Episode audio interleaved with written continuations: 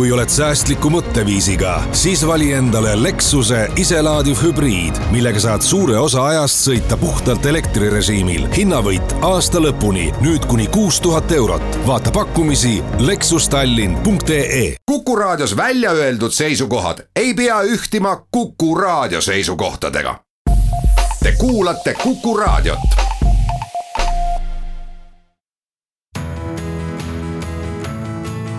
Kuku raadio nädala kommentaar. tere, mina olen Peeter Espak ja loen nädala kommentaari teemal sõnavabadus. Viimasel ajal on sõnavabaduse teemalises debatis kõige enam esil olnud ajakirjanduse ja ajakirjanike vaba sõna teema suur hulk vasakpoolset maailmavaadet esindavaid ajakirjanikke on asunud samastama ajakirjanduseetikat ja ka ajakirjanduslikku mõttevabadust oma kitsa maailmavaatega. kogu suurt paljusust teisi elu, elutunnetusi või poliitilisi ideoloogiaid nähakse aga enda maailmavaadet ohustava kurjuse rünnakuna sellise kurjuse ehk endast pisut erineva maailmapildi vastu asutakse võitlusse, esitades iseennast erapooletute vaatlejatena, ajakirjandusliku eetika eest seisjaina ja mis kõige kummalisem, sõnavabaduse kaitsjatena tihti väidetakse, et kriitika sellisele maailmapildile olevat konservatiivide väljamõeldis või siis lausa äärmuslaste rünnak.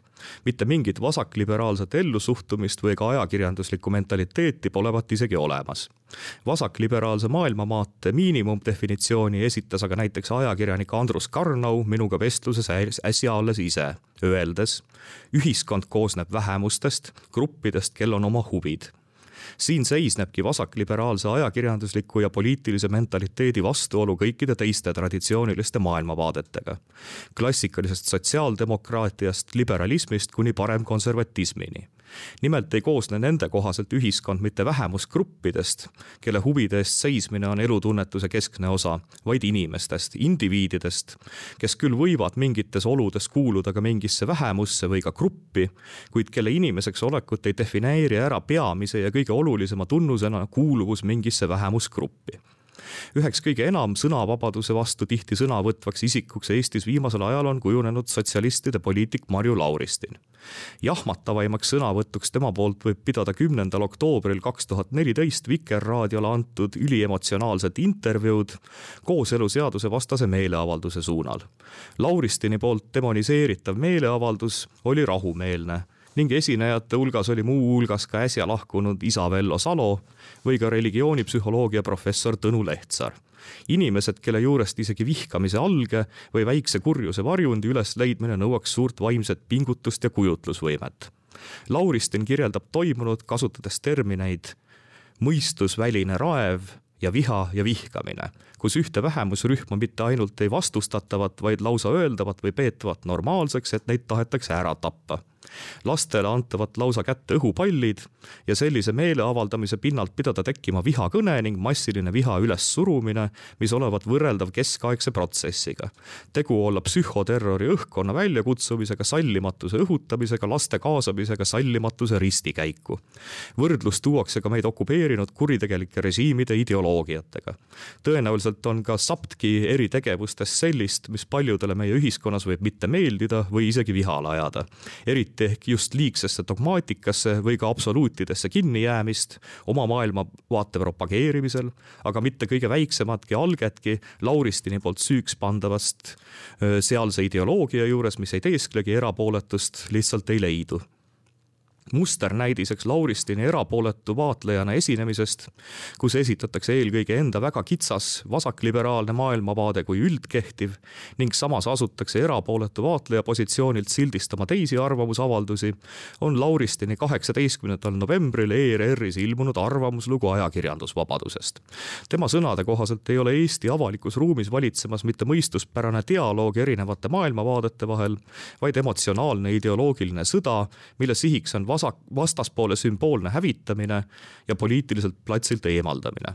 Nagu Lauristin kirjutab, demokraatia reeglite järgi rahumeelselt toimivas ühiskonnas tagavad just vastakatele arvamustele avatud ajakirjandusväli igaühele võimaluse oma seisukohti välja öelda ning vabalt otsustada, milliseid poliitilisi valikuid ta toetab, kartmata seejuures ühegi vaate eelistamise tõttu saada rahvavaenlaseks, riigivastaseks või terroristiks tembeldatud seda tendentsi olla sügavasti, sügavasti süvendanud Eesti demokraatliku ajakirjanduse ajaloolise lipulaeva Postimehe kaldumine rahvuspopulismi, mille tõenduseks olla algatus muuta põhiseaduse preambula tsitaat oma brändisloganiks olles ise mitmel juhul sildistanud oma oponente rahvuspopulistideks ja viha õhutajateks või isegi potentsiaalseteks tapjateks, muuhulgas stalinismi ohtlikuks näiteks tuues, esitab Lauristin aga väite, et olla kasulik meelde tuletada, et stalinliku terrori ajal oli tüüpiline süüdistus haritlaste vastu, et nad on korraga nii kodanlikud natsionalistid kui ka läänelikud kosmopoliidid. oleks mõistlik tänapäeva Eestis selliste siltidega vehkimisest hoiduda just selliste siltidega ka Lauristin ju ise vehibki, rääkimata meie põhiseaduse mõtteks ja aluseks oleva lause sildistamisest rahvuspopulistlikuks, mida võiks juba lugeda rünnakuks meie riigi õiguslike aluste vastu. lõpuks ta aga sisuliselt väidab, et tema enda maailmavaade olevatki oma oluli-, olemuselt ajakirjanike eetikakoodeks, mis seab esiplaanile avaliku huvi ja demokraatlike vabaduste eest seismine meie ühe osa ajakirjanduse vasakliberaliseerumise tuum seisnebki osalt vasakliberaalse maailmapildi Grand Old Lady Marju Lauristini enda maailmavaate propageerimises üldkehtiva erapooletuse või ka ajakirjandusliku eetika all Lauristin esindabki kõige kujukamalt vasakliberaalset elutunnetust ning kasutab oma maailmavaate edendamiseks ka kõige enam demagoogiat ja otseselt propagandistlikke võtteid, sealhulgas vastase demoniseerimist, dialoogi soovimatust, sildistamist. ka Lauristini puhul, nagu osa meie ajakirjanduse puhul, ei ole aga probleemiks mitte see, et kellelgi üksikindiviidil või ka ülikooli õppejõul on oma selge maailmavaade, vaid asjaolu, et üht kitsast maailmavaadet ja ka ühe partei ideaale esitatakse kui erapooletut hinnangut, mille baasilt asutatakse sildistama ja hukka mõistma kõike teistsugust. samas ise väites, et toetatakse mitmekesisust, soovitakse eriarvamusavalduste paljusust ning esindataksegi ajakirjanduslikku eetikat. just samasugune ja paiguti samu võtteid kasutav ongi meie ajakirjanduses prevaleeriv vasakliberaalne töökultuur ja grupimentaliteet ning see on suurimaks ohuks ja takistuseks nii demokraatia kui ühiskonna ausa ja mitmekesise arengu teerajal.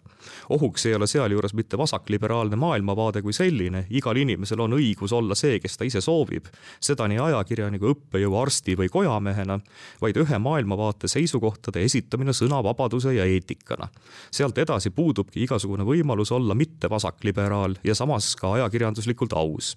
kõik teistsugused maailmavaated ongi automaati-, automaatselt demoniseeritud sõna sõnavabaduse piiramiseks ja ebaeetiliseks. sest sõnavabadus, ajakirjanduseetika ja vasakliberalism on muudetud meelevaldselt sünonüümideks. kuku raadio nädala kommentaar